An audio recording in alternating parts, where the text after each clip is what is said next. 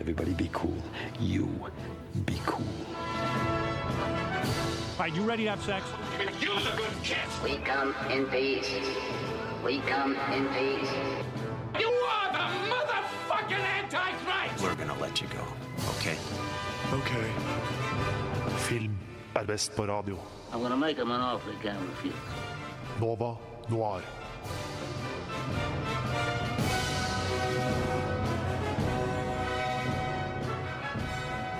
God torsdag morgen! Hei, hei! Det er torsdag, det er eh, Nova Noir-tid. Yes, den beste tiden. Den beste tiden. Aller beste tiden. Uh, mitt navn er Tage Rivas Tollefsen, og jeg sitter selvfølgelig her med min kompanjong Julie Oskar Andersen. Halla. Halla. Så kul. Sitt så casual du var i dag. Og uh, vårt nye barn, Julie. Ditt og mitt nye barn. Barn, barn Altså vårt nye barn. Nova Noirs nye barn. Radio Novas nye barn, Nova Noirs nye barn. Altså alle lytternes nye barn. Og helt kanskje fremtidige helt. Ja. Eh, Sondre Kehus. Halla. Halla. Eh, Sondre, altså jeg ser på deg, at du er veldig casual og cool, men i stad på pauserommet så fikk jo du en liten sånn her stressklump på skinnet. Hvordan føler du deg egentlig? Er det fordi vi skulle ha sending? Ja, du vet. Jeg håper ikke det. Jeg får sånn utbrudd, vet du. Bare blir helt sånn hetetokte og hele greia. Dette går bra. Vi skal oppdra deg som en uh, Så var bare- så liten sædklump som du er. Nå høres jeg tjukk ut. Nå kommer alle til å se for at Nei, nei, du er ikke tjukk. Men uh, hvis du vil vite hvordan Sondre ser ut, og for så vidt meg og Tage, Ja. så la vi nettopp et bilde på Instagram. Ja, sjekk ut uh, Nova Noir 99,3 eller noe sånt. 993 er det. Ja. Tror ikke det er noe komma. På Instagram. Yes, gjør det. Da Sjekk kan du Altså, vi har jo radiotyner, så det er bare å sjekke oss ut. Gjør det. Eh, vi i dag skal snakke om mye rart. Vi skal blant annet anmelde den nye Aaron Daranowski-filmen eh, Mother! utropstegn. Det er det sånne som skal få gjøre. Yes.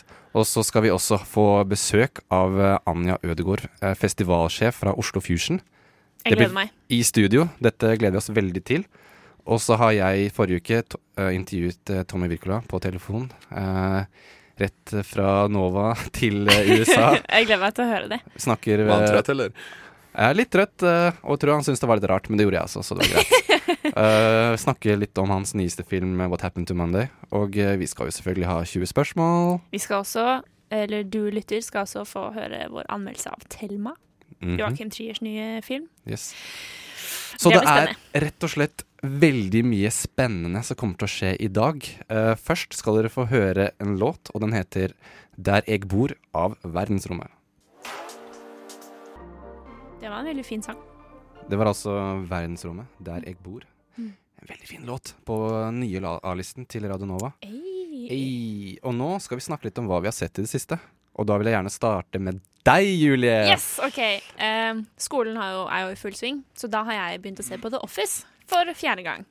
For det får man aldri nok av. Nei, jeg må bare presisere den amerikanske versjonen. Dessverre. Eller jeg har ikke klart å se den engelske. Jeg har hørt at den også er så bra. Nei, den er jo ikke det. Den er jo totalt søppel. Er, å, ja, okay. Men da Det trenger jeg tror jeg er veldig sånn hva man så først. For jeg så den amerikanske først, og prøvde Ja. å se den britiske fordi alle sier at den er mye bedre. Samme. Ja, men Det er akkurat sånn som med Shameless. Alle, øh, den var jo egentlig britisk først. Og så bare den der Å ja, nei, den, den suger jo i forhold til den amerikanske. Ja, jeg har ikke sett britiske Shameless heller. Jeg datt litt av den amerikanske Shameless etter hvert. Jeg tror jeg kom til sesong fem før jeg falt av. Men, Men, eh, men la, oss, la meg bare si det sånn, det er en grunn til at du sier, ser The Office for fjerde gang nå. Det Den er amerikanske det! versjonen. Fordi, ok, Det er liksom den hellige trioen, da. For du har The Office med Steve Carell. Og så har du 30 Rock med Tina Fey, og så har du Parks and Recreation med Amy Poehler. Og de tre seriene bare Jeg syns, Jeg kan, jeg jeg. syns du kan inkludere Arrested Development og Modern Family der, egentlig. Jo, jo, men det er med SNL-alumni, ikke sant? Mm. Men helt klart Modern Family og Arrested Development også. Mm. Og ja, ja, Så det har jeg sett i det siste, istedenfor å gjøre produktive ting og gå på skolen og sånn. Det er fort gjort. Fort gjort! Jeg tror de fleste kjenner seg i den uh, aktiviteten. Ja. Hva med deg da, Sondre? Jeg, har jo vært så uheldig at jeg ikke har hatt, uh, hatt internett. Eh, så jeg har ikke fått sett så veldig mye. Men det jeg har sett, er um, What Happened to Monday, som vi skal høre om senere. Eh, og så har jeg sett eh, Rememberum, eller noe sånn. Um, den nye til Å. eh, Rememberum? Ja, eller rem... Åh, den nye til som han eh, dvergen fra Game of Thrones eh, Å, Peter Dinklage? Ja. Jeg Eh, så han i en film, eh, kanskje den første han var med i, hvor han er på, jobber på en sånn Eller han arver en togstasjon. Og så er Ja. den, Ja. den er fin. Den er fin. Ja, den, den Den her er var fin. egentlig også ganske fin, men den, er, den er litt for sånn der Å, jeg skal prøve å touche følelsene dine, fordi at uh, det handler om uh, en sånn minnemaskin Uh, som gjør at du kan Å, gjenoppleve jeg så Ja. traileren for den! Ja. Var, den! var den bra, eller var det bare sett sånn gimmick? Nei, nei, jeg ville ha sett den. Oi, kult. Ja. Ok, Kanskje jeg skal gå og se den, da, for jeg så traileren og var litt sånn ah, Ja. Litt sånn noir møter Minority Report, møter Men, Peter men, men, Dinklage. men, men samtidig i nada action, så litt mer sånn der prøve å grave litt i deg. Men det kan jeg like. Mm. Ja. Hva har du sett da, Tage? Om du har sett noe? Altså, jeg har gjort noe som de svært få gjør. Og det er at jeg har begynt å se på Mummitrollet på nytt. Nå tenkte jeg at Du er ikke så spesiell, det har jeg også gjort. Sånn med jevne år. Men jeg har begynt å se det på japansk. Å ja, okay. På- det er kanskje på- Har du, har du blitt helt weeaboo, liksom? Ja, men jeg har studert japansk. Jeg tenker sånn jeg Dette er en god måte å refreshe på. Tage nihongo jin. Yes. Nihonjin. Ja. Nihonjin, ja, jeg kan også japansk. Åpenbart. Det du sa nå, det var japansk språkperson. ja, du kan jo japansk flytende, så Jo, Ja, men det ja, ja. som slo meg når jeg begynte å se på det, er at Altså Mummitrollet er ikke en barneserie. Altså Nei. NRK Jeg har et problem med NRK, for at de tok og kjøpte det her inn til NRK og viste det til barn, små barn. Små barn, når jeg var liten uh, unge. Midt i beste De tenkte sikkert det var gøy siden finlenderne gjør det. Det er jo naboene våre. Og de har, uh, jeg vil si, traumatisert en hel generasjon Men mange sier jo det om Pompel og Pilt også. Pompel er jo faktisk scary, da. Ja, så NRK har ganske dårlig track record når det gjelder å velge barneserier, kanskje. ja, Og jeg vil, for å påpeke mitt poeng, hvor fucka Mummitrollet er, okay. så skal vi spille litt musikk fra serien. Ja, få høre. Ok, Så nå prøver jeg å spille liksom det snille musikken her. Skal vi se om vi klarer det. Ikke sant? Å, jeg husker Det- den! Den er er så typisk. koselig! Sant? Du er barn, Du er med en gang igjen. barne-TV klokka seks, hører musikken her, tenker sånn Det er sånn Dette er- Mummitrollet hopper på grønne enger sammen Ja. med Snorkfrøken og Lille My som bøller litt og sånn. Vi har Det det er jo så gøy koselig, da. og koser oss, ikke sant? Helt uskyldig. Kjempekos. Og så allerede i første episoden Husker du hva som skjer i første episoden? Nei, folkens? Nei, det er for lenge siden. herregud. Skal jeg fortelle. Han finner en magisk hatt. Å, er det den første episoden? Det er den første episoden. Ja. Og det som skjer, er at Mummimamma tenker at denne kan jeg bruke som uh, Fin søppelkasse. søppelkasse. Hvorfor, hvor, en, hun- hvorfor vil du bruke en hatt som søppelkasse? En ganske Altså, fin de hatt i er jo egentlig sykt hippie, ja. de bor i et hjemmesnekra hus midt ute i ingen sted, så lever off the grid. Ja, opium hele tiden. Ja, Ja. det er jo det de gjør. Og hun kaster eggeskall oppå denne, som blir til magiske skyer. Som er. Første episoden. det er første episoden. Jeg husker, Omtrent fordi alt jeg jeg så husker. det på TV, så trodde jeg ah, men skyer er jo solide, så de kan du jo faktisk fly på. Sånn hvis du traff en sky noen gang, så Mm. kunne du sitte på den. Så jeg sa det til alle jeg møtte og kjente. Jeg bare Å, forresten, fun fact, visste du at man Nei. kan fly på skyer? Tenk så mange som har hoppa ned i tåke fra bruer, sånn der program, at du har spredt sånn der mye. Jeg hadde så sykt lyst til å hoppe, fly på sånne skyer da jeg var barn, jeg også. Men det som skjer senere i episoden, er at Mummitrollet skal gjemme seg når det leker gjemsel oppi hatten. Og så blir han til et uh, monster. Som blir til et ekte troll. et ekte troll som ingen kjenner igjen. Ja. Og da musikken som spiller av da, når uh, han realiserer at ingen kjenner han igjen, og ingen tror på at det er Ja, det er vondt. Dette her er musikken. Altså Dette her er stress. sånn- Shit, ja. Alle barn den i Jeg får helt 1994 eller når det var, fikk jo angst.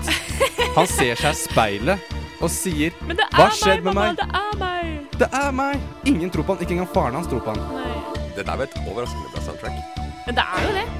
Herregud. Men Ah, det er jo, det er jo angst, liksom. det er jo angst. Han ja, ser seg i speilet og river seg hår og skriker og er helt fortvilet og Men se på meg, rundt. mamma, jeg er jo Mummitrollet. Det er like før Mummipappa tar fram børsa si og skal skyte ham, liksom. Shit, nei, Jeg fikk litt sånn Phantom of the. Opera-feelinga. Dramatisk. Og vi snakket litt om at eh, det er jo mye skummelt i Mummidalen. Eh, du, Sondre, syns at Hattifnatten i var det mest creepy. Ja, den var creepy. Ja. Jeg syns jo Hufsa var det desidert mest uh, terroriserende i hele serien. Klisjé. Det er klisjé. Men for å påpeke mitt poeng, så skal jeg spille av litt musikk. Så kan du, Julie, fortelle hva du spiste eller gjorde når du sto opp i dag. OK. Så bare OK, hør på det her. Hvis ikke det her Ja, bare hør. Greit. Så jeg sto opp i dag. Altså, jeg våknet kanskje rundt halv åtte-åtte. Våknet til Radionova til frokostprogrammet. Det var kjempehyggelig. Så våknet kjæresten min. litt mindre jovial. Hæ? Litt mindre jovial. Så våknet kjæresten min. jeg fikk han til å gå på butikken for å kjøpe brød, for det hadde vi ikke. Og så stekte jeg tre egg og litt bacon. Og han kom tilbake med fransk landbrød. Og vi skar skiver og puttet egget på brødskiva sammen med baconet og spiste alt sammen. det var litt derfor jeg var litt forsinket i dag. Fordi vi spiste Jeg kommer til å få mareritt om egg og bacon. Eller hva du spiste med det. ja, ja. Når plommen sprekker, liksom, så bare Det var jo en veldig hyggelig frokost sånn egentlig, selv om Hufsas musikk kanskje fikk det til å høres ut som det var noe Ja. forferdelig Jeg, jeg har på følelsen at Hufsa er like misforstått som liksom uh, Ice Kingen i Game of Thrones, liksom. Hva med deg, Ice King i Nei, Game of Thrones. Adventure King. Time. Ja, men Altså, Hufsa er jo en White Walker. Ja. Oh, ja, nei, du mente Game of Thrones. Der, der hun går, så blir det jo is. Men hva med deg, Sondre? Hva gjorde du til frokost? Um, jeg jeg eh, Jeg får angst nå, liksom. Dette er jo den skumleste, da. Hæ? Er ikke det her ja, det- her er jo ikke den skumleste. Det her er ikke sk den, OK, tenk Men se for deg det som skjer når den Jeg ser for musikken meg sånn skikkelig sånn trasig litt sånn der. Det som skjer, Det er er at. Mummitrollet løper i, Han har mareritt, da. Han løper. Oh, spoiler. Uh, Hufsa kommer etter han, og han klarer ikke å løpe vekk fra henne. Han løper nesten sånn stillestående. Og så slutter drømmen med at hun tar de svære, ekle hendene sine rundt ansiktet hans, og så er han våken igjen. Men det her, det her er sånn der jeg føler meg når jeg går hjem fra fylla alene klokka fire på natta. Litt sånn sjangle Ja, litt Gå sånn langs, eh, som jeg ser litt mørkt og creepy, og det er der den kommer. Wow, Og så fortsetter jeg å vandre litt full. Ja. Men jeg syns ikke det var den skumleste Mummisangen. ja, ok, men den forrige, med orgel. Ja, den, den første vi spilte, Når er den orgel var ikke skummelt, den da? Altså. Hvem som forbinder orgel med noe koselig? Men kan vi ikke bare avslutte med den hyggelige igjen? For nå ble jeg litt sånn freaka ut og med alle disse Hufsa-greiene. Eh, jo, det kan vi godt. Bare for Og hyggelig. nå skal vi høre Min sjarme holder ikke av Armino X Bandersen. Og så etterpå skal vi snakke om ukas filmnyheter.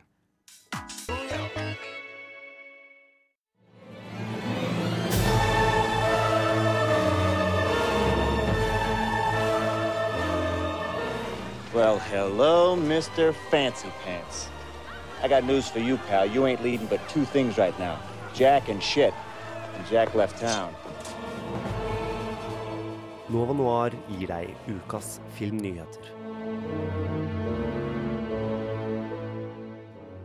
Nå er det duket for ukas filmnyheter, og du, Julie, hadde jo veldig lyst til å starte. Ja, jeg, dette er en nyhet som gjør i hvert fall meg veldig glad. På Jack Horseman sesong fire ligger på Netflix. Can I get an amen? Eller ser dere ikke på, på Jack Horseman? Nei, jeg er ikke det. det, det er litt sånn der serie som du Jeg føler du er nødt til å ha sett ferdig Rick and Morty og alt sånt der før du kan hoppe inn i det. Nei, men hvis du er helt Bare Jack Horseman kom først. Før Ja. Rick and Morty. Ja, ja, men Eh, det er ikke like kjent. Nei, det er det kanskje ikke. Det er derfor jeg bruker denne, denne anledningen til å det. si det er en kjempestor nyhet. På Jack Horseman sesong fire er ute. Det er en stund siden sesong tre kom ut. Jeg er kjempegira. Men som sagt, nå ser jeg jo på The Office, jeg må vente til jeg har sett ferdig Må Office. det? Før jeg kan se Må du den. det? Hva er egentlig greia med Bojack Horseman? Hva er Det det? er, ok, det er en animasjonsserie for voksne. Uh, og noe av det den serien gjør så glimrende bra, er de er veldig flinke på visuell historiefortelling. Eh, og det er så sykt mange visuelle ordspill, fordi Bojack Horsemans univers er uh, sentiente dyr og mennesker. Så Bojack Horseman er jo en hest Ja, som ligger i navnet. Uh, så her har han en bestekompis som heter Todd, som er et menneske.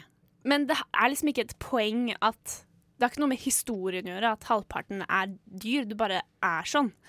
Så det er et av mine yndlingseksempler. Da, så er det en krokodille som har crocs på, eksempel. Liksom sånne ting. Da. Hele dette universet er liksom bare fylt med sånne små, lekre detaljer. Og de tør å leke og liksom virkelig gjøre ting som ikke er standard, da. Og det er litt uforutsigbart på en veldig forfriskende ny måte. For det prøver ikke å være Prøver ikke å presse seg selv inn i en sjanger eller være noe veldig spesifikt. Bare gjør akkurat sånn som du vil. Så hvis du skulle liksom anbefale, så hvis du sier sånn Ja, hvis du liker serie X, så bør du se det her. Liker du Archer, så hadde du likt Bojack Horseman. OK. Men det er ikke sånn grov humor som det er i Rick and Morty? Jo, Ja. det er jo det. Og det er mye depresjon og fyll og eksistensialisme og sånne ting. Men det er liksom ikke sci-fi-elementer og ville eventyr. Det er litt mer jordnært og hverdagslig, selv om det da er litt absurd med alle disse dyrene. Så det kan gi deg litt uh, verre eksistensiell krise enn Rick and Morty kan gjøre? Det kan, nei, fordi greia med Bojack er at han er en skikkelig dritt. Eh, men du får ganske stor sympa eller mye sympati for ham, men du føler deg skikkelig bra om deg selv, for du er i hvert fall ikke like jævlig Det som Bojack Det er som å se på Luksusfellen jo. ja, det er litt sånn man ser på det både fordi det er gøy og interessant og eh, smart skrevet, men fordi det får deg til å føle deg bedre om dine egne livsvalg, rett og slett. Det minner meg litt om eh, Rocky, den tegnes, tegne... Ja, Ja, ja, ja, den tegneserien, ja. Ja. Mm. Eh, Det var min nyhet, da. det var din nyhet. Gladnyhet. Uh, det hadde seg sånn i fjor, nei, i fjor, forrige uke, så snakket vi om at eh, eh, Colin Trevorrow eh, har blitt fått sparken eller fyken eller ville ikke jobbe med Slutta, eller vi Kom vet ikke. Salder. Skulle iallfall ikke lage Star Wars episode 9. Så var det en diskusjon om hvem vi ville at han skulle, som skulle ta jobben, og hvem vi trodde, kanskje. Og nå viser det seg at selveste JJ Abrams skal uh, regissere. regissere. Uh, Det funka jo med den første. Ja. Så hvorfor Ja, ikke ja, bare, Hvorfor hvorfor, fortsatte ikke han bare i utgangspunktet? ja, hvorfor prøve en ny Eller jeg skjønner ikke egentlig hvorfor altså det, er- det ikke Men, skjer med en men gang. det virker som det er en positiv ting, da, fordi at med en gang så har de jo utsatt den syv måneder. Så det kan jo hende at kanskje han har litt mer storslagne ideer. Ja, for det er den andre nyheten. Det, filmen skulle jo egentlig ha premiere i mai. Uh, Oi. Ja, mai. det året den skulle komme ut. Men, Det er 2019. 2019, ja. Men nå har den blitt utsatt til desember. Som, Spesifikt 20. Men alle filmene kommer jo i desember, så det er for så vidt bare Eller de har jo kommet i desember, så det er Ja, jo bare litt men, koselig. Uh, Star Wars har egentlig hatt en sånn tradisjon med at det kommer ut i mai. Men så når, ja, eh, May the fourth. Ja, ja, Men uh, når JJ skulle lage uh, The Force Awakens, så var det han som sa nei, jeg trenger mer tid. Så det var derfor det ble en desember. Ja, men det er for at Jeg synes det er litt fint, da. Sånn. Alle som må sove ute, må sove ute i 18 minusgrader. Det er jo kjempekos. Ja. Jørgen, hva syns du om alle de som stakkars eh, fansen der ute som må sove i, i minusgrader? Nei, de har nok gjort det en del ganger før, så jeg tror de er ute jeg, og har uh, sovepose som holder. Så jeg tror egentlig det går De helt har jo allerede kostymene på seg, så de har jo Så dere er De, alle som er Chewbacca, Chewbacca er, eh, Chewbacca. er går, har det bra. Oi. ja. Oi, Hei sann. Det er gjesten vår, tror jeg, som ringer meg. Ja. Kanskje jeg må gå og hente gjesten. Kanskje du må gå og hente, hente gjesten, gjesten. Ja. Hvis ikke, så er det jo litt dårlig Dårlig av oss. Ja. Bare la gjesten stå ute og vente. I mellomtiden kan jeg spørre deg, Sondre. Du syns at det er greit med selveste JJ? Hva sa jeg? Syn Du syns det er greit? jeg syns det er veldig greit, det. Ja. Altså, sånn, jeg syns Force Awakens var storslagen, liksom. Og jeg vil ikke ha noen som underplayer oppfølgeren, liksom. Nei, for at eh, det som er litt interessant, er at på nettet så er folk plutselig blitt veldig negative til at eh, JJ Abr Abrams skal uh, lage episode 9.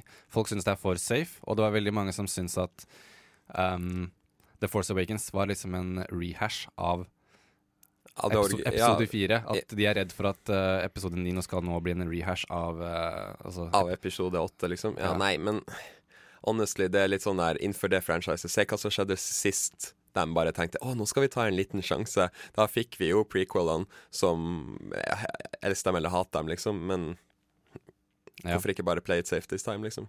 Nei, nei, jeg er veldig spent. Jeg er egentlig Kan ikke denne generasjonen få en triologi nå, liksom, som der alle filmene er decent pluss? Kanskje litt bra òg? Ja. Nei, jeg er også litt skuffet, egentlig, fordi uh, han skal også skrive filmen, og det er mange som syns at han ikke er den beste skribenten. Er ikke, nei, det er han ikke. Det er jeg helt enig i. Men som regissør så syns jeg uh, det er ikke Jeg kan ikke peke på en JJ Abrams-film som er dårlig. Sånn rent Tvers gjennom dårlig. Ja. Nei. Men han er veldig flink til å st altså starte nye franchises. Det er han utrolig god på. Han har jo også Star Trek, og uh, han øh, ja, OK, vet du hva, der, der, på, Han- der pekte du på egentlig en litt uh, dårlig film. Du likte ikke den? Nei. Nei, OK. Så interessant. Men, I hvert fall. um, det var ukas filmnyheter. And that's the way the news goes. Og nå skal vi høre Ibeyi og Kamasi Washington med 'Deathless'. Yes, da er vi tilbake. Du hører på Nova Noir på Radio Nova. Og nå har vi fått besøk i studio. Eh, hallo, Vanja Ødegaard, var det det? Hallo, ja. Riktig. veldig hyggelig å være her. Ja, Jeg er, koser meg alltid så mye når jeg er her, så jeg gleder meg veldig til å det er ikke første gangen. Nei, det er tredje året på rad, tror jeg. Veldig gøy. Mm. Og du er jo eh, festivalsjef for Oslo Fusion, er det ikke det? Eh, stemmer. Kan ikke du fortelle oss litt om hva Oslo Fusion er, for de som ikke vet der ute? Eh, jo, Oslo Fusion er eh, en skeiv filmfestival. Eh, vi går inn i vår 27. utgave i år, faktisk, så vi er en festival med, med sterke røtter. Eh, startet som en filmklubb og ble til en festival som eh, var veldig eh, tett knytta til Skeive dager, eller det som nå er Oslo Pride. Og så etter hvert som liksom, festivalen ble mer og mer proff og mer og mer høyere og høyere nivå på filmene og sånn, så, så bestemte vi oss for å flytte til september, som er en litt mer sånn filmmåned. eh, Ja, dere har jo regnet non stop nesten Ja, hele uka. Det har det. Ikke i dag, da, men Eh, pass fint. Ja, ikke sant. Og, og under Oslo Pride også, så er det eh, Vi har ting under Pride også, men det er, det er så mye som skjer, ikke sant. Ja. Det er litt sånn eh, Det er veldig metta program. Så vi tenkte Mange om beinet. Mange om beinet. Ja. Og også litt sånn pga. timing i forhold til andre filmfestivaler. Det å liksom få de aller beste skeive filmene. eh, så var høsten eh, et bedre tidspunkt for oss. Og det har vi hatt de siste eh, åtte årene, tror jeg. Eh, og det funker veldig bra for oss. Og vi er en filmfestival som, eh, ja, som hovedsakelig viser eh, spillefilm, dokumentar og kortfilmer om, med skeiv tematikk. Altså eh, rollefigurer og tematikk med, fra LHBT-IQ-miljøet. Men også, eh, etter at vi skifta navn til Oslo Fusion, så ville vi også på en måte ha friheten til å inkludere filmer som har feministisk eh, tematikk, eller eh, annen type minoritets- eller marginaliserte grupper i samfunnet. Da. Men vi er hovedsakelig en skeiv filmfestival. Jeg lurer litt på hva er det som er um, Altså årets program. Hva er det du har lyst til å trekke fram fra årets program? Hva er det spesielt som skjer i år? Ah, du spør så vanskelig. For det er alt. Nei. Hvis du må velge noen av dine Ja små babyer. Hjertebarna dine. Ja. Um, en, vet du hva? En av eh, de jeg er mest stolt av at vi har på programmet, er faktisk en film jeg ikke har sett selv. Som er 'Call Me By Your Name', som er åpningsfilmen vår. Som var kjempevanskelig å få, uh, fordi den uh, hadde premiere i Sundance, og så vises, vises den i, uh, på Berlinale. Mm. Og så har den vært litt sånn De, de satser veldig på Oscar-kjøret. Eh, folk driver og sier at det er liksom årets Moonlight eller år, årets Carol. Og den har bare fått Alle jeg har snakka med som har sett den, er sånn Det er min yndlingsfilm i år.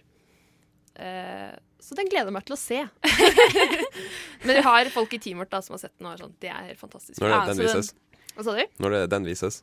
Den vises eh, på åpninga vår, som er eh, 18., mandag 18., altså nå på mandag. Og så har vi Den er faktisk utsolgt. Eh, No. Men så har vi en ny visning i helgen, da. Så da Der er det enda håp. Da er det enda håp, ja. Og vi Ja, men det Hvis man er gira, så, så tror jeg det er lurt å kanskje skaffe seg en billett. fordi Få den- ut fingeren, folkens. Ja. Gjør det nå med en gang. Det er han eh, regissøren som har lagd I'm Love, blant annet, og Bigger Splash. Så Mm. han er liksom en ikk- Han heter Luca, noe italiensk på G. Ikke be meg om å uttale det. Giovanni. Nei. Det det Nei ikke Giovanni. for, for argument's sake, la oss bare kalle det Giovanni. Ja. Um, ellers så um, Vi har en veldig Vi har mange kule gjester i år også. Blant annet eh, en eh, veldig dyktig kvinne som heter eh, Jen Richards. Hun er uh, mannsforfatter, skuespiller, skribent og transkvinne. Og folk Jeg vet ikke om folk har sett uh, på realityserien I Am Kate med Caitlyn Jenner, men hun har i hvert fall vært med der, da.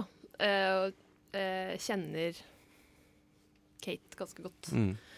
Um, og hun kommer og skal snakke om sine eh, webserier. Og hun er veldig eh, opptatt av at uh, transskuespillere spiller transroller, fordi det er veldig ofte i Hollywoods produksjoner at eh, transroller blir spilt av cis-personer. Ja, Når det først og fremst er en transrolle Ja. som er skrevet i utgangspunktet, så går den rollen allikevel ikke til en transskuespiller. Ikke sant? Og det er veldig mange veldig dyktige transskuespillere i Hollywood og over hele verden. Så ja. Så det Men de sliter litt med å få gjennomslag, liksom. Ja. Og ofte vil jo studioene ha et navn, og det er ikke alltid en transskuespiller er et navn. Hermetegn. Mm. Um, så, og hun er bare um, veldig uh, smart og klok, og jeg gleder meg veldig mye til at Oslo skal få treffe henne. Veldig gøy. Mm. Uh, jeg så på programmet at dere skal ha noen norske kortfilmer også. Mm. Hvordan har dere valgt ut de norske fi- kortfilmene, egentlig? Uh, jeg Det er blanda, da. Fordi jeg jobber også i Kortfilmfestivalen i Grimstad. Og hver gang den eh, ruller rundt, så, så liksom markerer jeg meg bak øret sånn Å ja, den her, eh, den her er noe for Fusion. Den tematikken der var Ja, fin. um, og så sender jo folk inn til oss. Uh, og det, vi får veldig veldig mye innsendt, som er kjempepositivt. Syns det er veldig gøy at uh, den yngre garde filmskapere lager ganske mye uh, Ganske sånn variert tematikk i forhold til kjønnsrepresentasjon og legning. Og det, det sier litt om den nye generasjonen vår, da. Um, så vi bare har Vi er så heldige at vi bare kan plukke de beste kortfilmene vi ser, og, og vi har jo noen veldig gode kortfilmer. 'Fanny', blant annet, av eh, Halvdan Ullmann Tøndel, som var nominert til Amanda-pris for den filmen. Og eh, ja, det er masse andre veldig interessante eh, norske kortfilmer der. Veldig spennende. Mm. Vi skal snakke mer med deg, men først skal vi høre Jon Olav og Hei Erna. Det er deilig å vite.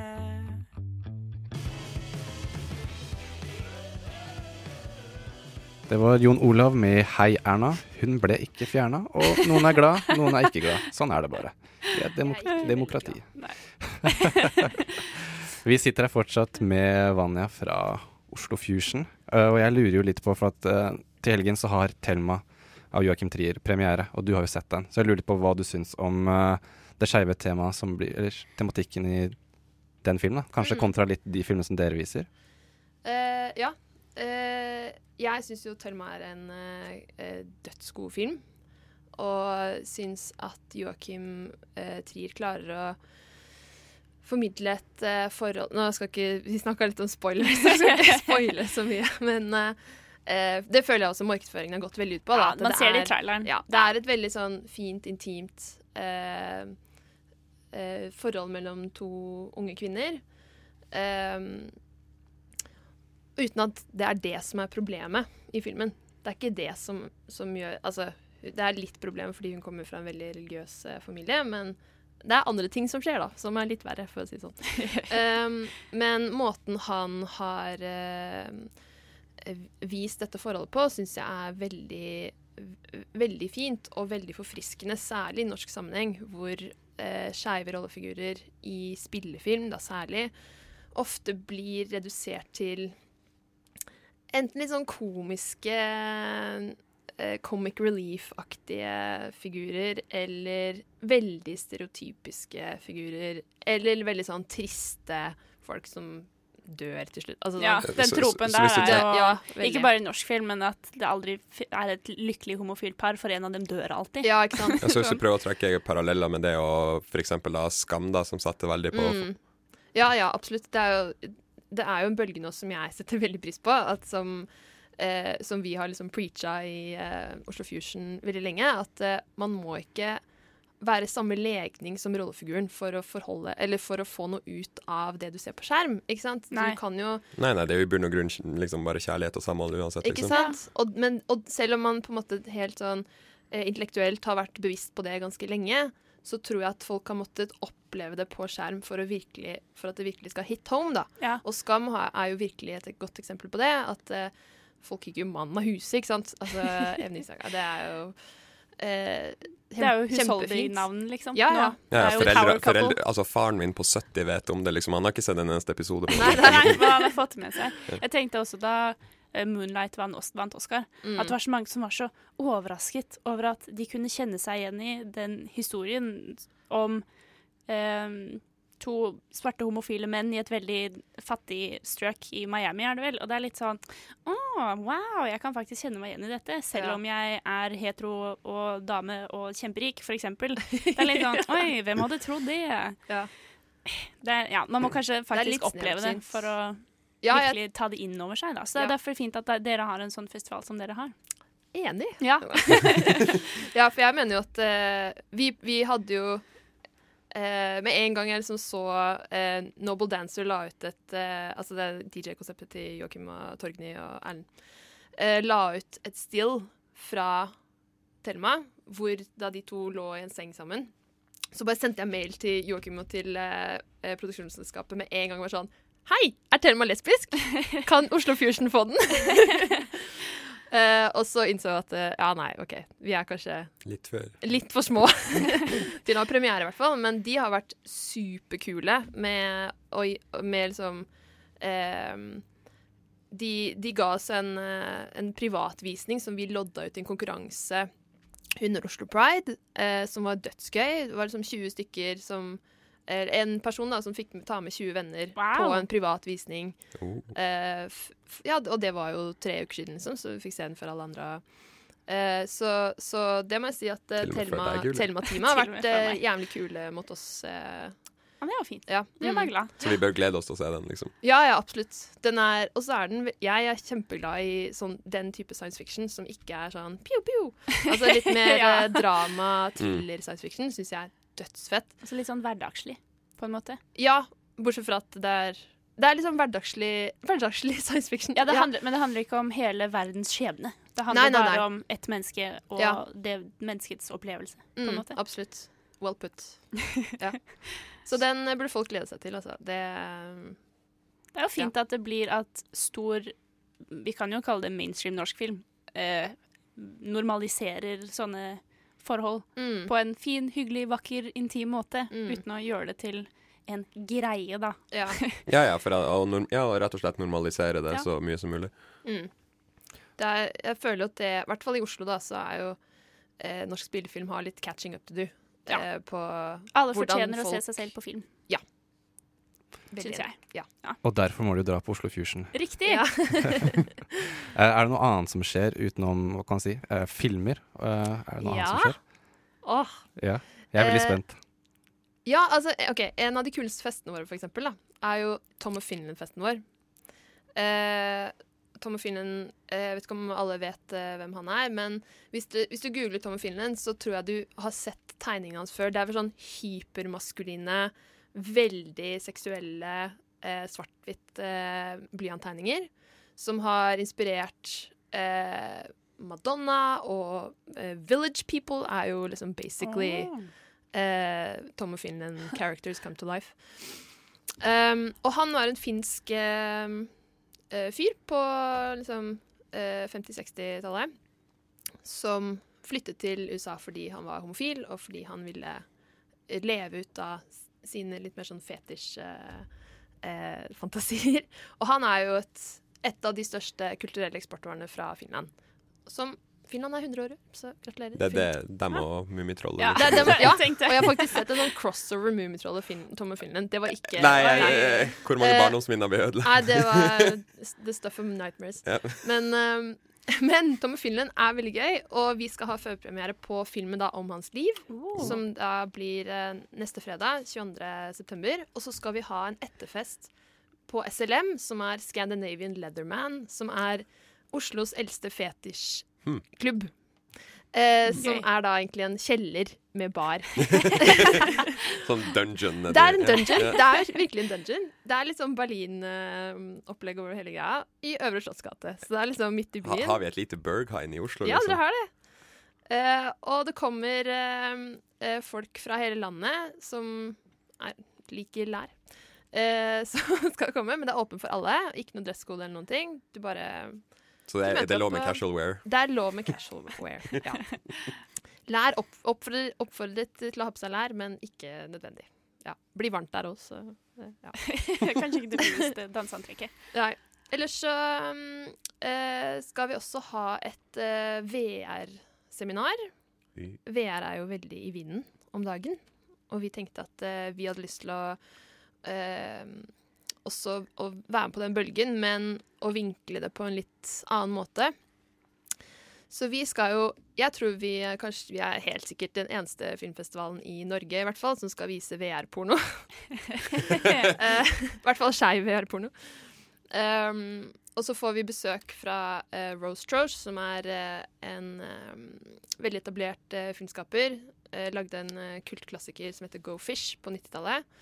Um, men som nå, i de siste par årene, har jobbet veldig mye med å utvikle narrativ eh, fiksjon i VR-format.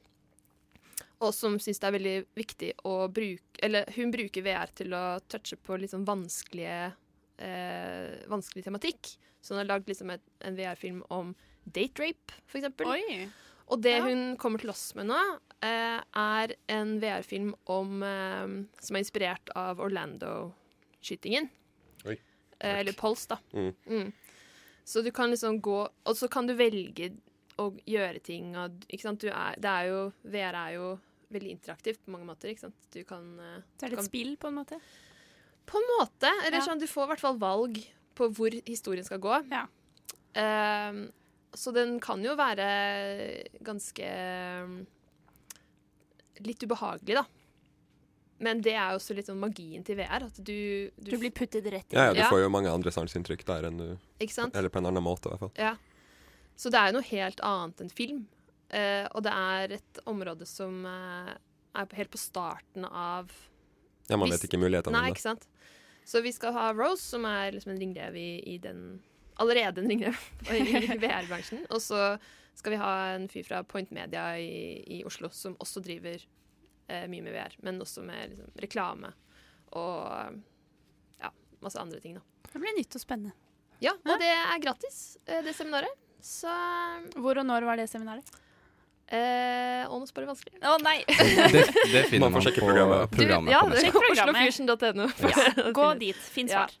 Vet du hva, Bare si tusen takk til deg, Vanja, for at du kom. Det hørtes utrolig spennende ut. Eh, Det er neste uke, fra 18. til 24. september, Mm. her i Oslo. Så det er egentlig bare å forte seg å dra til nettsiden og bestille billetter, og dra dit og sjekke det ut. Eh, tusen takk til deg, det var veldig gøy. Takk til Eh, dere. nå skal vi høre We, Can Say, nei, We Can't Stay av uh, Soft Punch.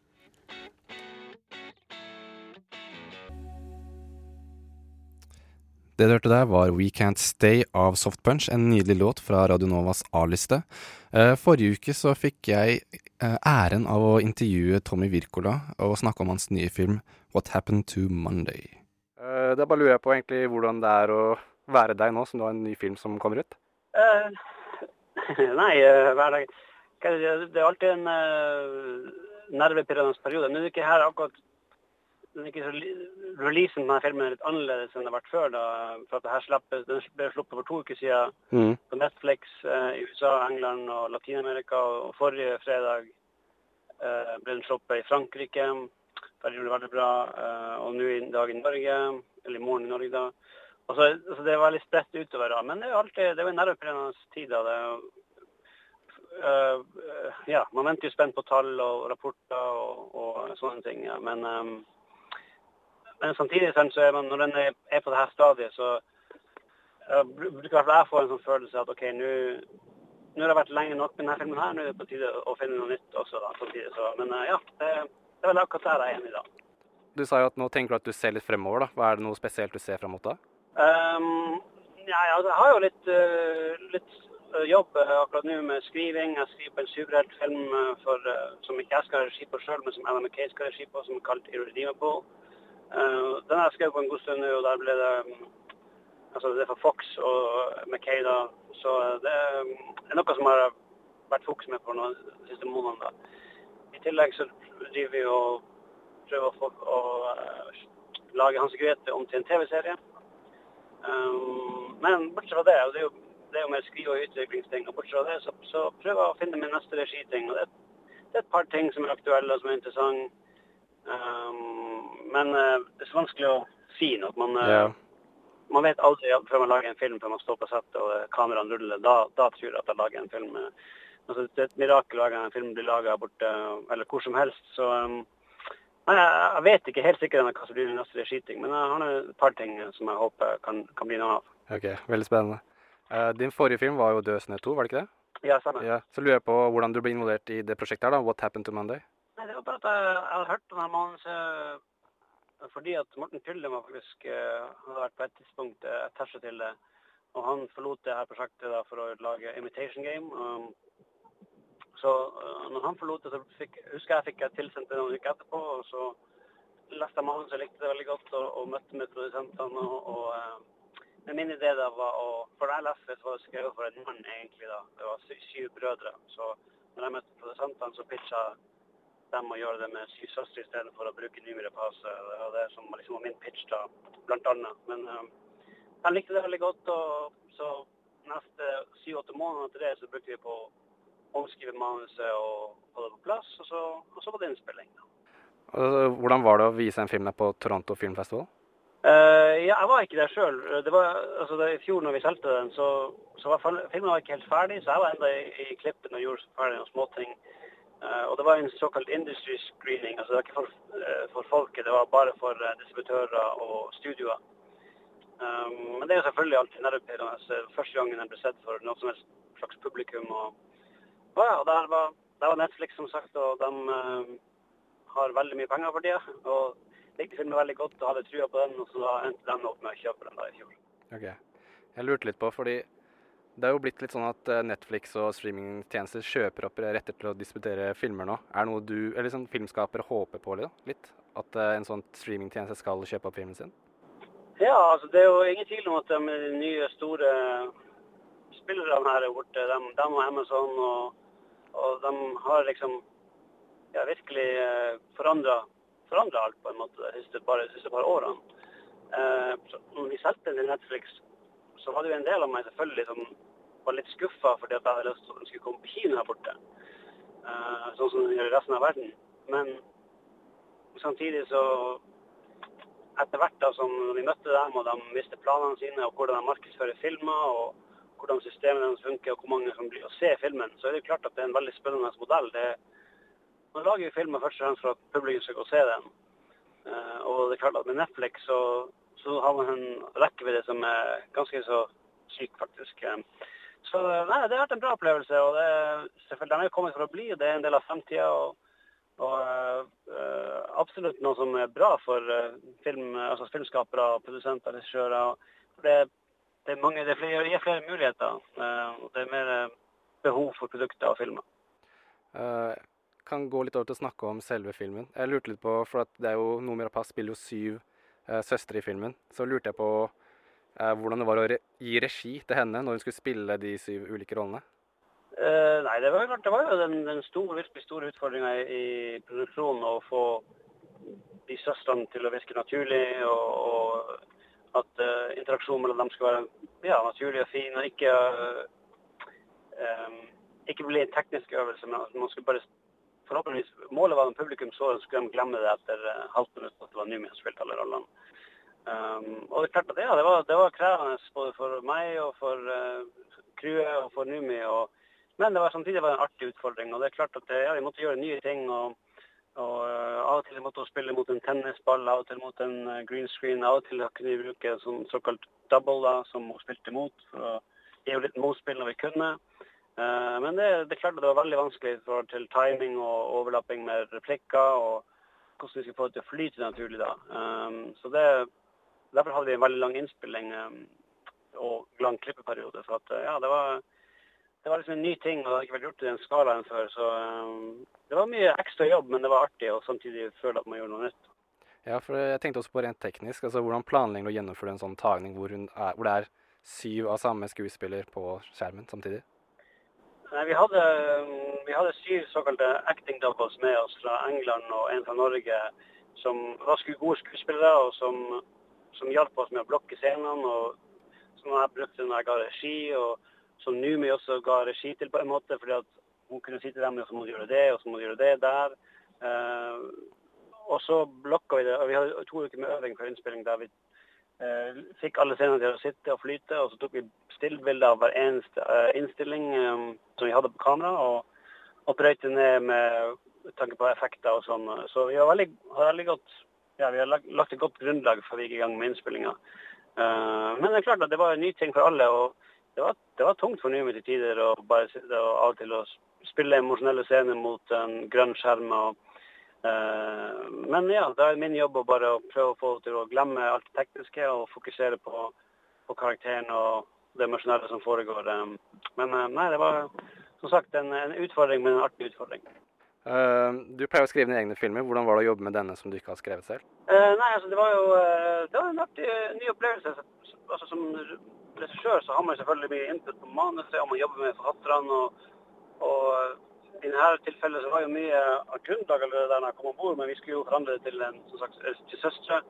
Så det var mye jobb, og da fikk vi en ny forfatter inn for å gjøre det. Um, I tillegg så var det også diverse sånn budsjettrestriksjoner som, eh, eh, som ble pålagt oss underveis. Altså, vi måtte lage filmer for mindre enn vi trodde først. Det gjorde at vi også måtte gjøre en del omskrivninger på manuset, som, som eh, ofte skjer da. Eh, men eh, eh, nei, det var, en, det var en ny opplevelse. Det var jo noe jeg har lyst til å prøve å gjøre igjen. Og, det er jo artig. og Jeg er vel- veldig fan av å samarbeide og jobbe i lag med folk. og og prøve å lage den beste ting mulig. Og da, Det gjelder også på manus da, i dette tilfellet. og Jeg kom veldig godt overens med forfatterne. Nei, det var en, det var en fin ny ting å, å gjøre det. Det er jo et par norske skuespillere med i den filmen. Føler du at du kommer liksom litt unna med noe når du kan, kan caste norske skuespillere i en sånn stor Hollywood-film? Uh, nei, altså det, i, I begge de tilfellene mine der jeg lager film uh, der borte, så har innspillinga foregått i Europa.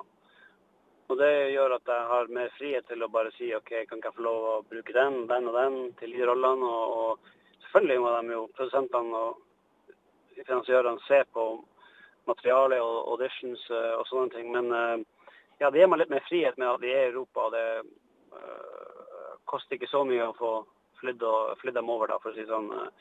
Uh, men selvfølgelig, kreativt vet jeg jo at grunnen til at jeg vil det, er jo fordi at jeg vet at de kommer til å naile det selvfølgelig og levere. Og, og, og jeg syns det er veldig kult å ha i denne type rollene, som kanskje ikke er de største rollene i filmen, bestandig Altså I What Happened Monday så har jo både Pål Sverre Hagen og Christian Rubek store roller. Men som, bortsett fra det, så er det artig jeg, å ha eh, gode skuespillere også i mindre roller. Um, for å heve, heve filmen og heve pro- altså, eh, helheten på det. Um, så det er, og, og rent egoistisk også, så er det også fint å ha venner og kompiser man jobber med før på settet. Spesielt på denne, da, som har en veldig lang innspilling. Um, så det er mange, mange grunner. og eh, ja, jeg, jeg er glad jeg får det til så langt. Jeg håper jo å fortsette med det. Jeg syns i hvert fall det er veldig gøy å se. Eh, kanskje til sist eh, litt sånt uh, lettbeint spørsmål. Hvis du, For det er jo en litt sånn dystopisk eh, fremtid i den filmen her. Så hvis du skulle valgt deg en dystopisk fremtid du kunne ha levd i, så har du alternativet mellom Mad Max eller Terminator eller eh, eh, Children of Men. Hadde du, hvilken hadde du valgt av de tre? Um, nei, hvis jeg først skal gått for en dystopisk fremtid, så hadde jeg kanskje gått for Mad Max. Uh, det, bare, det bare virker mer, mer artig. Uh, mer crazy verden. Uh, mye, mye frihet. Det, det står jeg for meg at du kommer til å velge, faktisk. Ja, ja absolutt. Jeg er en stor fan av, av det universet og de filmene.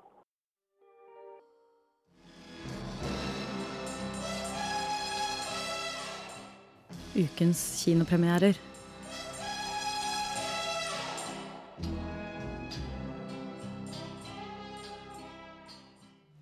Vi hørte um, Elida Høgalmen. Um, og nå skjer Ja. det noe veldig spennende. Nå skal Sondre Godgutten vår anmelde en ny film som heter Mother. Utropstegn. Utropstegn. Ja, eh, det er Darren Aronofsky sitt eh, nye angstinduserende psykologiske drama. Eh, så tror jeg vi har en eh, liten trailer her, snutt.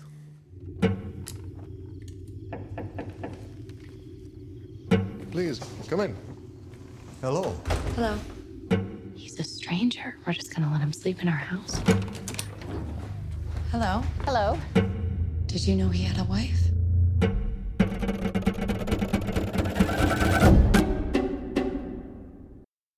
Kjenner at bare den musikken fra den traileren gjorde meg ganske stressa. Var Ja. det sånn hele filmen? Det var akkurat sånn det var hele filmen. Jeg ble nesten litt sjokkert over de andre journalistene som var der, som bare satt der og var helt casual. Jeg satt der og hadde, ja, som jeg sa, angstinduserende følelse i hele overkroppen. Shit. Drittens. Um, Ja, den hørtes ikke ut- som det var, den var lett å se, da. Nja At det er sånn man setter på en fredag kveld for å kose Nei, seg. det, det, er ikke, det er ikke kosefilmen. Det er ikke den du liksom sånn der eh, på tredje date bare Ja, nei, skal vi, se, skal vi ha er filmkveld, liksom? kjempebra. Er jo ganske mm. Ja, sånn der, så hvis du har lyst til å ha litt happy time eh, med kjæresten din, så er, så er det en, det blir heller at den ligger i fosterstilling ved sida av deg og gråter, liksom. Wow. Ja, pro tip. Ikke datefilm. Um, ja, det, det er en generelt sett ganske mystisk film. Eh, og den Jeg tror hvis man ikke er fan av Hva skal man si, da? Litt mer sånn der uh, pretensiøse filmskaperfilmer, på en måte, der de skal liksom vise sitt repertoar hver gang. Litt utfordrende. Ja, så kommer du nok til å synes at den er litt over the top. Um, den starter veldig rolig, men du får på en måte frem For det er en følelse med en gang at OK, du går der og bare lurer på hva er det, hva er det som kommer til å gå til helvete, rett og slett. Um, og som vi hørte i traileren, så er det jo Premisset er jo at det kommer um, eh, Du har Jennifer Lawrence og um, eh, Javier Bardem som spiller Du får aldri vite noen navn på dem. Det er bare eh, Mother og Him. Og det er derfor den heter Mother! Ja. Wow!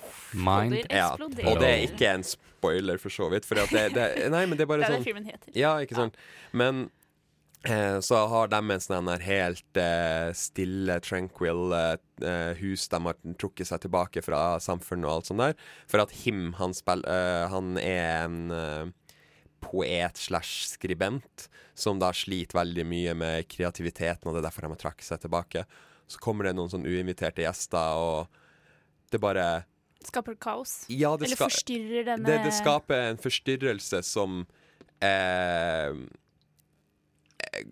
På en måte skape en sånn feberdrøm av angst for, uh, for eh, Jennifer Lawrence, da.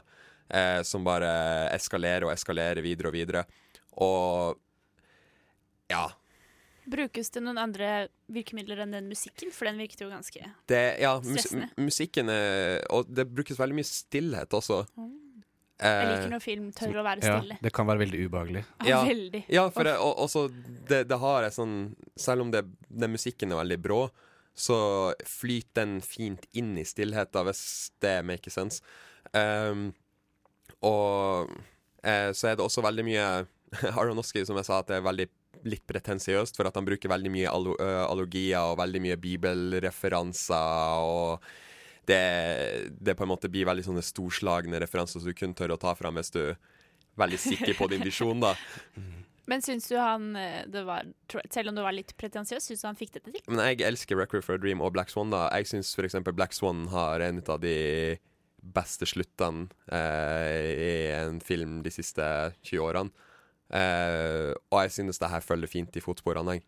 Men nå er jo vi filmprogrammet, da, så vi elsker jo film. Så det er jo ikke så rart at vi kanskje liker det når det er litt eh, pretensiøst og Nei, nei, men prøver å eh, være storslagent. jeg, jeg tror det er en film som folk bør gå og se, bare fordi at hvis du liker å Hvis du liker hjernedød underholdning, altså ikke for å rakke ned på filmer, men hvis du liker en film der du bare kan skru av hodet ditt Er du fan se av den Michael Bay? Ja, så, så er ikke det filmen din.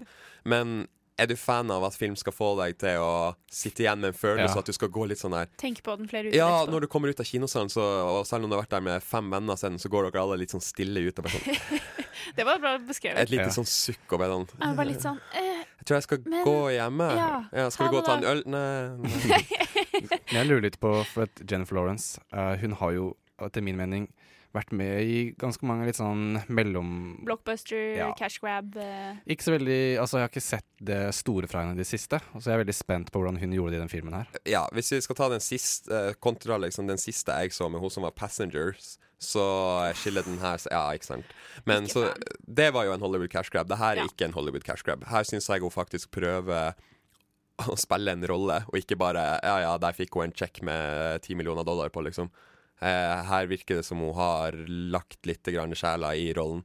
Eh, det blir jo selvfølgelig siden hun er et så stort navn. Jeg tror det egentlig hadde vært litt bedre med en ikke sånn der eh, Altså en skues skuespillerinne som ikke hadde kommet fra en sånn tenårings At hun ikke hadde brutt igjennom med tenåringsfilmer, på en måte. Så Sånn at hun ikke hadde et så stort navn. At man Nei, ikke så ikke Jennifer Lawrence. Nei, nei, fra, nei men altså sånn altså, Nå har vi jo Michelle Pfeiffer og er, er jo også med i filmen. Ja. Og der har du jo et stort navn, liksom. Ikke sant? Ja, Javier Bardem er også ganske Sant. Ja, og, og, og, men de har ikke det, det Du har ikke de forbindelsene med dem, da. Syns Eh, du det ødela litt for filmen? Ikke egentlig, for at du, du gir jo en sjanse siden du merker at uh, her prøver hun litt mer enn Ja, enn i X-Men, for eksempel. Ja. Mm. Men jeg har jo alltid Eller jeg tenker hun spiller jo generelt bra, selv om hun kanskje motivasjonsnivået Ja, varierer. her- her er det pengene det eller er det visjonen? Her virker det jo som, Som at det var sier at mye mer visjon enn Ja. pengene bak, uh, bak For hun har jo spilt i mindre Hva skal jeg si bombastiske Hollywood-klisjeer, da. Ja, Eh, som Winter's Bone, som den første filmen hun var med i, var- er jo kjempebra, for eksempel. Mm. Så det virker litt som om hun har funnet litt tilbake til de røttene, da, kanskje? Ja, det, det virker som hun har litt mer baktanker med, med valget av denne rollen. da. Mm. Men du vil si at uh, de som er fan av filmene til Darinowski, vil absolutt like Darrenowski, er jo den fine forkortelsen. Hvorfor uh, Darren blander? Aronofsky. Darren Ja, Aronofsky. sa- jeg bare, jeg bare, jeg bare trekker det sammen. Ja. Darrenowski. Det er min måte å gjøre det. Aronofsky La meg Ja. gjøre det, OK? Er, du, er du fan av filmene hans, eller, og er du fan av eh, litt uh, angstinduserende eh, ting som tar et litt dypdykk i psyken, så se den her. Okay. Så um, Ja, Hva vil du gi filmen? karakter 1 til 10. Eh, Jeg gir den en solid eh, åtte av ti. En solid Wow. åtte av ti til Mother! Utropstegn. Uh, jeg skal defi Mother! definitivt Men ja, det passer. Det er tittel. Det utropstegnet passer i tittelen. Ja. Mm, Jeg skal definitivt uh, se denne filmen. Ja, Eh. Nå skal vi høre Dårlig vane med Gikk i bakken, og etterpå skal, så skal vi snakke litt om Citizen Kane, som Julie og Sondre ikke hadde sett før denne uken.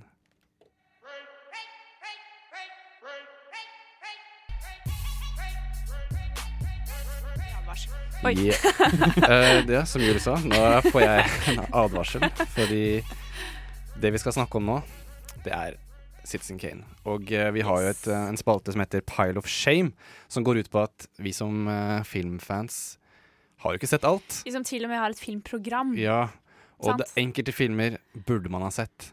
Så det, alle har sin lille pile of shame, sånne storfilmer som man burde ha sett. Både fordi ofte store klassikere, og fordi eller, og popkulturelle stempler som man da bare har Eller unngått. Filmer, og- Eller kultfilmer. Liksom bare generelt ting man burde ha sett. Ja.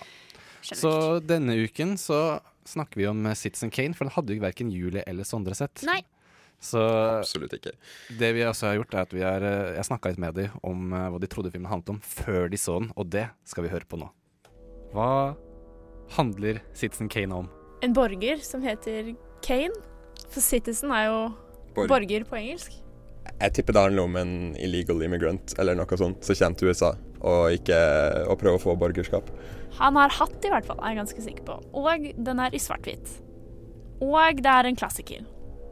Og det er sikkert Kubrick eller noe sånt som har regissert den. Mer enn det vet jeg ikke. jeg vet bare at alle, burde, alle som påstår at de liker film, burde ha sett den. Er ikke det, er ikke det sånn verdens beste film? Jo. Egentlig. Quote unquote. Quote unquote. Quote unquote verdens beste film. Så lurer jeg på hva er Rosebud? Å! kode i Sims for å få masse penger. Nei, men Da måtte du ha jo semikolon og utropstegn etter. Jo ja, men kanskje man sier Rosebud som om det ligger et semikolon bak det. det er ikke det en leppepomade? Det er det også. Mm, Da vet dere hva dere skal se etter når dere ser på Citizen Kane. OK, OK. Jeg tror ikke vi klarte det, Sondre. Nei. Så vi bomma veldig. Ja. ja. Shame. Shame. Shame. Shame. Ja, Rosebud er jo ikke en leppepomade. Skam. Skam på dere. Men nå har vi sett den, altså. ja. No more skam. Så lurer jeg på, uh, nå som jeg har sett den, hva handler Citizen Kane om? Citizen Kane handler om uh, Foster Newspaper. Charles Kane. Charles Foster Kane. Husker ikke helt hvilken rekkefølge navnet hans har. ja, som blir en newspaper og alt mulig Gigant. rart. uh, tycoon. Ja, han er kjemperik.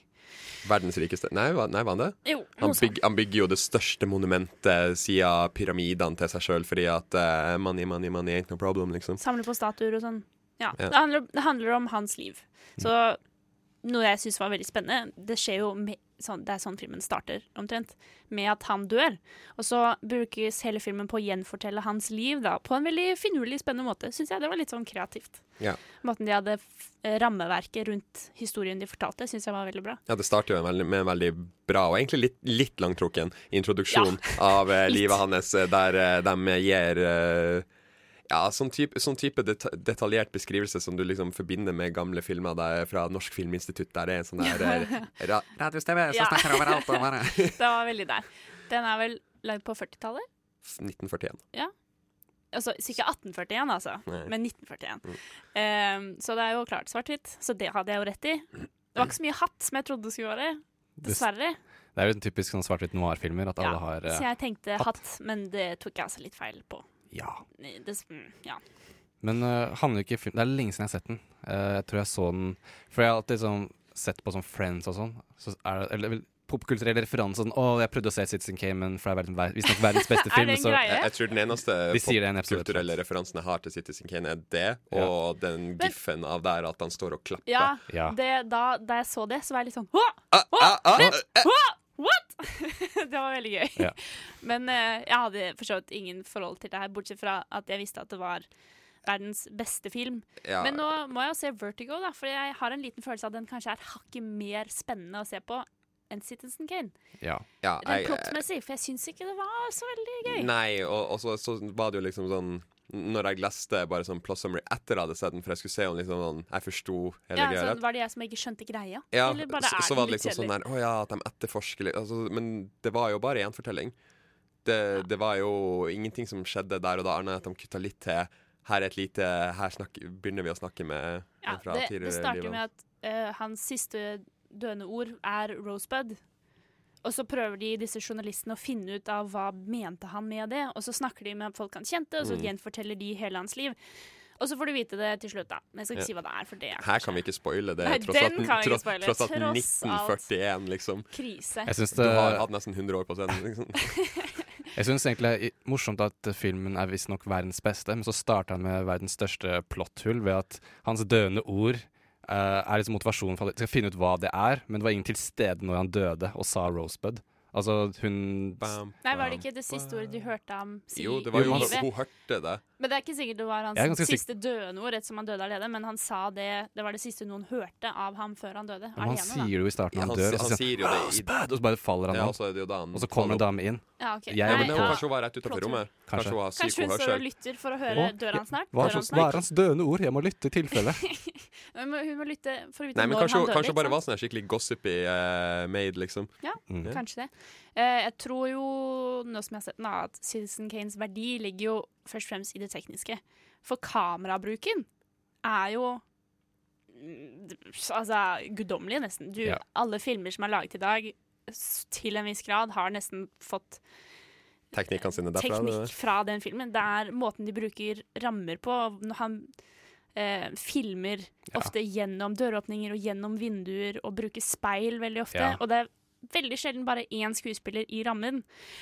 Altså i bildet, da. Og det er ikke sånne kjedelige close-up. Jeg føler at alle filmer nå til dags, hvis det ikke er en actionfilm, har bare close-up og close-up og close-up. Mm. Men du får se interageringen mellom alle skuespillerne i et bilde nesten hele tiden. Men at det er alltid to eller flere. Mener du f.eks. at det er litt sånn der Wes Anderson har fått uh, litt innspo fra? Ja. Sånn type Så Budapest Hotel der. Ja, ja, ja, der veldig stillestående kamera. Og ja, også bare at alt er symmetrisk og rammeverk. Ikke at det var det i der. Ikke nødvendigvis symmetri, Nei, men, men, eh, eh, det at det er rammeverket, ja. statisk. Ja. Det likte jeg veldig godt. For det er på en måte, nå er det så mye shaky cam, og det er så mye rask klipping, og jeg bare øh, Det er jeg litt lei av. Ja, fordi Orson Wells, som lagde den, han lagde, det var hans første film. Han var 24 år gammel når han lagde den. Skrevet og regissert. Ja, og jeg, jeg, Og tror, spiller hovedrollen. jeg tror litt at greia at Skal du ha det gjort, må jeg gjøre det sjøl! Ja, bransjen har liksom vært sånn Han er en gud, og så har det bare gått i arv. Og så har liksom filmskapere sett på filmen, filmen hans, blant annet den, da, for, uh, som et eksempel på cinema, cinematisk uh, Cinematografi. Cinema,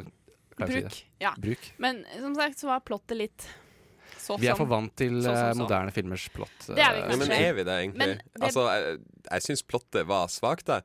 Det, det var ikke interessant. Det er en fyr som en Altså, jeg syns det var mer interessant å høre om livet hans i den første litt langtrukne åpningssekvensen, framfor å følge plottet i etterkant. For at det var sånn der Plottet er bare Å, vi ser ting fra livet hans, og så til slutt så er det en big reveal som bare trekker det tilbake liksom til starten, og så er det sånn Ja, ja. Men Det er jo et eh, karakterstudie, først og fremst. Ja, og Men når det det er er sagt, ikke så syns jeg syns- ikke at karakteren Citizen Kane var så veldig spennende. Nei, han kunne ha blitt gjort litt mer var ekstravagant. Nei, ja, for at karakteren levde jo, syns ikke jeg passa til hva slags eh, bombastisk liv han hadde. Nei, og han var bare litt kjedelig. Ja, Han var litt stille. Kanskje um, eh, Oscar kunne eh, sånn Ja, rent det tekniske, men kunne gått, gått på et skrivekurs. Eh, så opp, for å oppsummere, er det en film som man burde skamme seg over for å ikke ha sett? Nei, jeg syns for så vidt det er greit å ikke ha sett den. Eh, du kan er godt Du må gjøre innsats for å se den. Ja, du, du må være interessert. Du vil se den for det tekniske. Hvis du er filmnerd, se den. Er du uh, en som ser en film for å ha underholdning? Nei. Går du på Westerdals på film, så burde du kanskje se den. Ja. Det er liksom minimumskrav. Men ellers, nei, det, det går fint.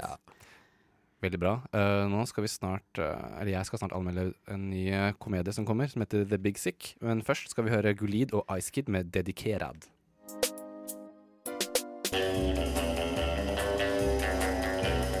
Kinopremierer. Ukas kinopremierer. Det er dukket for en god, god film å snakkes om. Du sitter her nå med meg, Tage og Julie og Sondre. Og nå skal jeg snakke om en film som jeg så denne uken, som jeg syns var utrolig bra. Og den filmen heter The Big Sick. Og det handler om eh, Komal Nanjani, som er født i Pakistan, han er oppvokst i USA. Og eh, en dag så møter han eh, Emily, og de blir jo selvfølgelig forelsket. Og så begynner handlingen å utfolde seg. I have to tell you something, babe. I've been dating this girl. She's white. I wonder who that could be. I'm guessing it's a young single Pakistani woman. This is Zubeda. For your files? Your ex files? That's your favorite show, huh? The truth is out there. Can you imagine a world in which we end up together? I'm looking for Emily Gardner. She was checked in tonight. There's an infection. We put her in a medically induced coma. Coma. Yes. Kan jeg spørre om en ting? Spør om noe, Julie.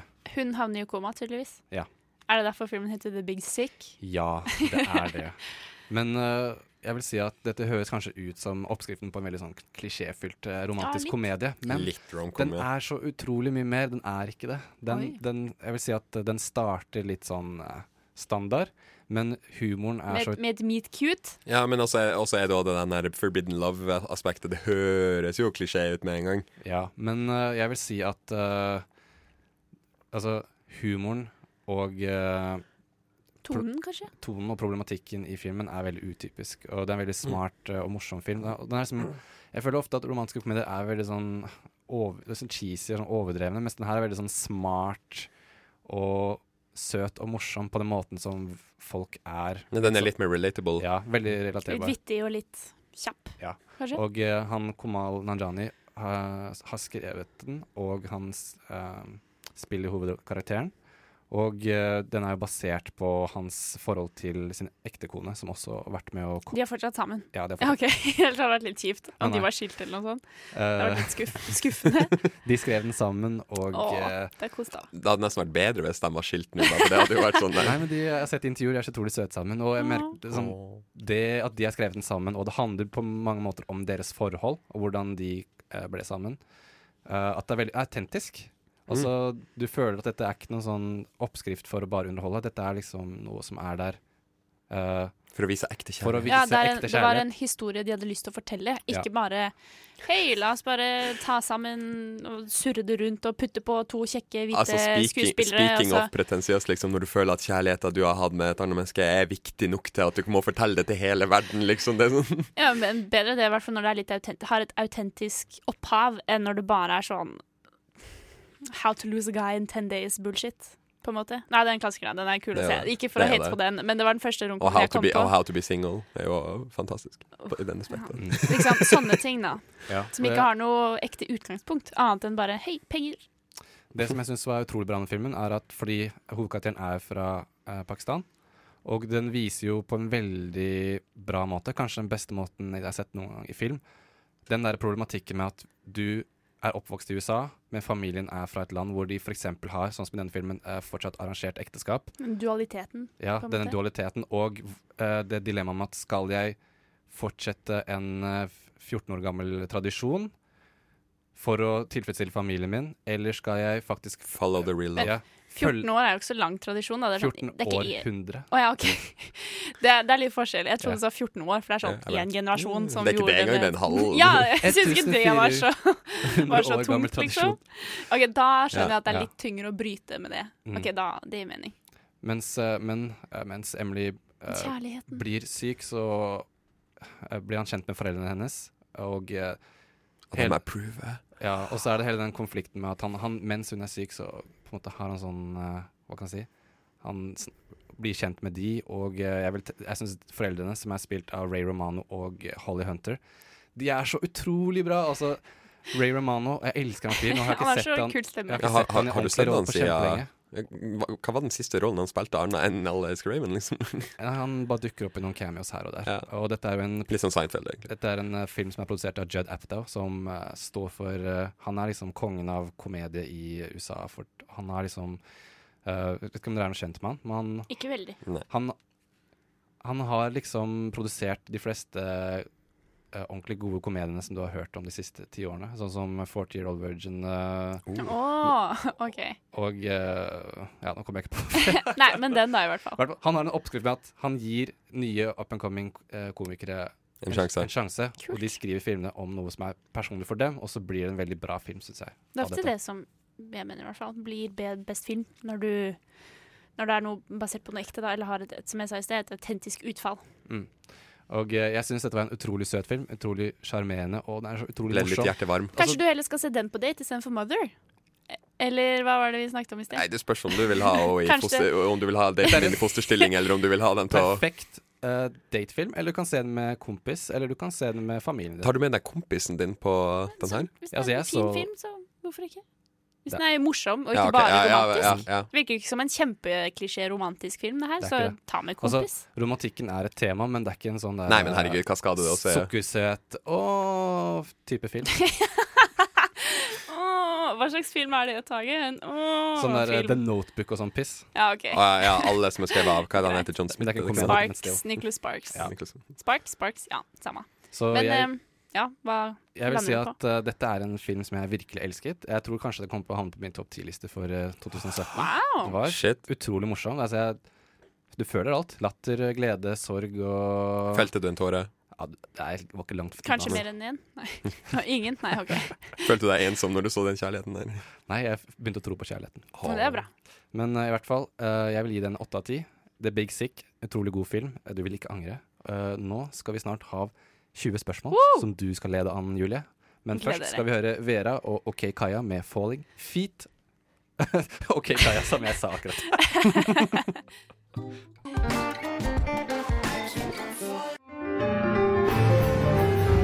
Er det en thriller eller er det komedie? Er det splatter eller er det en tragedie? Er den dårlig, vant den Oscar, eller er det noe du kunne ha filmet selv? Er den skummel og må ses om dagen? Er den trist og gir deg klump i magen? Når ble den laget, og ble det klaget av familie og venner da du satte den på? 20 spørsmål men nå var noe annet. Er du klar for å gjette hvilken film jeg tenker på? Tjo hei! Er dere klare, da? Det er faktisk den vakreste synginga jeg har hørt. Veldig dypt toneleie. Det var veldig vanskelig. Du, er du er veldig flink til å synge, Julie. Jo, takk. Jeg har øvd lenge. Nå er det 20 spørsmål. Det er 20 spørsmål. Du skal uh, ta styringa, for du er gameshow-host. Ja, dere må ta av dere headsettene, så dere ikke hører hva jeg hvisker. Og så Ok. skal jeg si oh, ja. hvilken film, sånn at uh, lytterne vet det, men ikke dere. Så hold fingeren i hjørnet og si litt sånn svakt la-la-la-la-la. Så dere ikke jukser. OK, filmen eh, de må gjette, er Sjørøverplaneten. Sjørøverplaneten. OK, OK. Klart. Så dere får altså 20 forsøk på å komme fram til filmen jeg tenker på. OK. Hvis dere ikke klarer det, så vinner jeg. Hvis dere klarer det, så vinner dere. OK. Ok, Så tenk nøye, dere er på lag, så tenk nøye gjennom hvordan dere vil gjøre det, og hva dere vil stille. Jeg tror vi skal gå for eh, sjanger først. Ja. Ja. Nei da. Det var ett spørsmål. Nei da. Det vi, det Ja, det, nei, nei, det er internt. Nå må. Det vi har gjort tidligere, er å spørre om årtall. Nei, men årstall er så vanskelig. Det, altså, skal vi Ti velge år. Ti år. OK. Eh, er det fra de første ti årene av 2000-tallet? Så fra 2000 til 2010? Ja. Ja. Okay, Et spørsmål. Um, Det var jo en gang det var Jeg hadde uh, Space Odyssey, så på 60-tallet. Så de gjettet 70, 80, 90, 2000, 2010, 2017. Men, så det brukte sånn fem spørsmål på det, så det er bra dere naila det med en gang. OK. Skal vi se. mm, er det en mannlig hovedrolle? Ja. Som oftest. Statistisk sett er det jo det. Er det hmm. er, det en, er, er det en animasjonsfilm? Ja! Du er glad i animasjonsfilm, Julie. Jeg er det. OK, da har jeg et til spørsmål. Er det Er det en japansk film? Nei. Er det Disney Pixar? Nei. Er det ren Disney. Ja Seks spørsmål. Søren, jeg trodde det skulle være litt vanskeligere. Ja ja. OK, så vi har en, en dis, ren Disney-film, ikke Disney Pixar. Ja. Fra eh, Og det er en mannlig hovedrolle. Mhm. Um, Jeg tror jeg kan naile den her og nå. prøv, prøv. Go for it. Fordi at du nevnte Altså Nå kan det hende at det bare var tilfeldig, men du nevnte Space Odyssey. Og da tenker jeg eh, noe med verdensrommet. Fuck. Ja. Er det sjørøverplaneten? Nei, men i helvete. Jeg tror det er ny, jeg tror det er ny rekord. Boja! Det hadde, ja, hadde jo ikke noe med fordi jeg sa Space Odyssey. Ja, ja. ja. Ja Wow. gratulerer. du sitter litt Syv- skuffa nå. Syv, åtte spørsmål. og åtte, ni. Vi kan si ni, så at du føler deg Nei, det er fortsatt ny rekord. Så det går bra. Wow, vi er flinke, Ja, dere klarte det bra. Grattis. Mest, mest du. Jeg hadde tenkt å gjette Wreck-It Ralph, Flekse litt. men uh, den er jo etter 2010. Den er etter Det er den. Mm. Så den Å, men eh, jeg, vi bomma litt. Det er jo egentlig ikke en Er det animasjon eller er det tegnefilm? Tegnefilm er jo animasjon. Ja, du, skjønner ikke om det er data, om det, om det er om det faktisk 3D-animasjon ja. eller animasjon-animasjon. Om det er tegna. Ja, mm. Det er jo ikke feil å si Ok, Er du uenig med meg eller Sondre at det er animasjon eller ikke? Om man må kalle det 3D-animasjon eller ei? Så kommenter på Instagram-posten vår og si det. eller om det er noe annet du har lyst til å si. For all del, bare snakk med oss. Yes. Vi er her. Eh, det var sju spørsmål. lytte på det. Eh, Julie ble knust i Ja, sønder av jeg skal den tenke på bedre neste gang. Vanskeligere neste gang. Ja, det Uh, nå skal vi høre Courtney Barnett og Kurt Weil med 'Over Everything'. Og etter den låten så skal uh, vi høre Saras uh, anmeldelse av uh, den nye, store norske filmen 'Thelma'.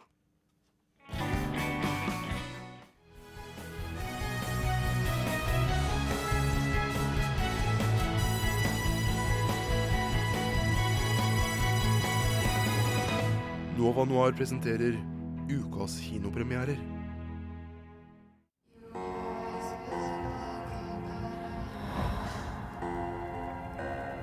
Jeg vet ikke hva det er med meg. Det er bare Skal jeg hjelpe deg? Det er så bra. Herre, fjern dette fra meg. Frels meg for disse tankene. Passe på at ikke du mister kontrollen.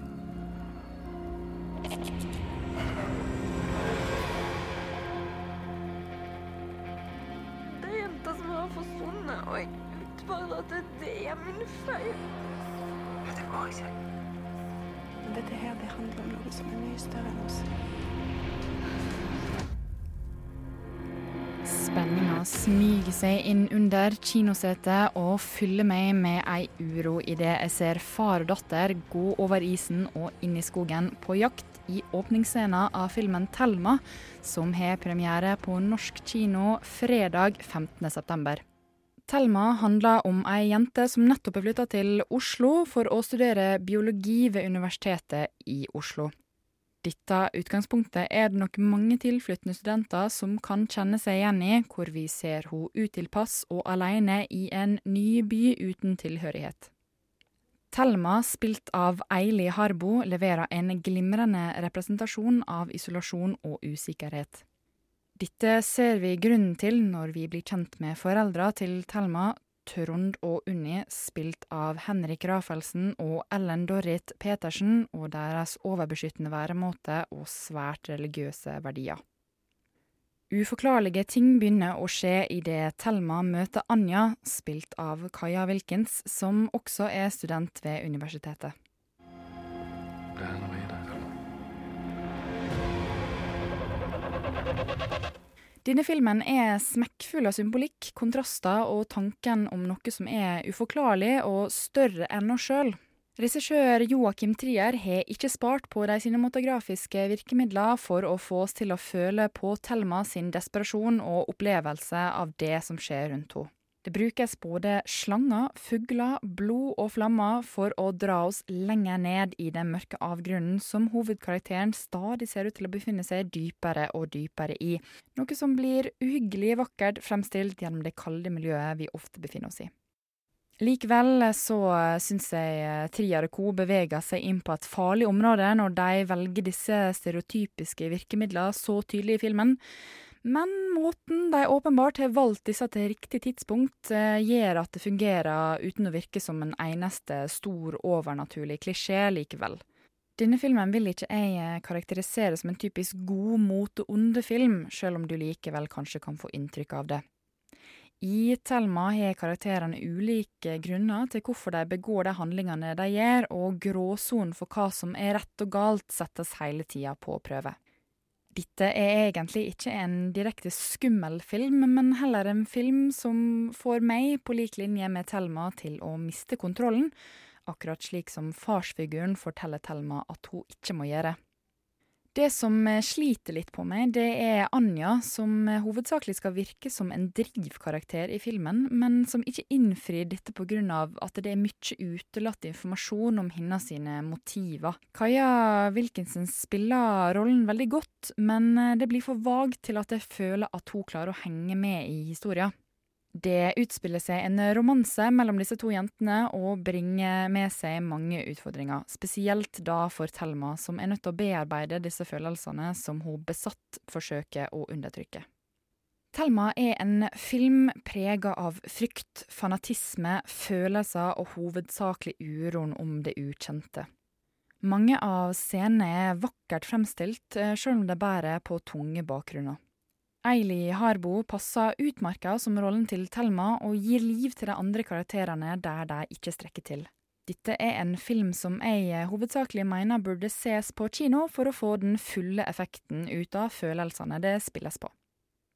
Karakter åtte av ti. Radio Nova, FM 99,3.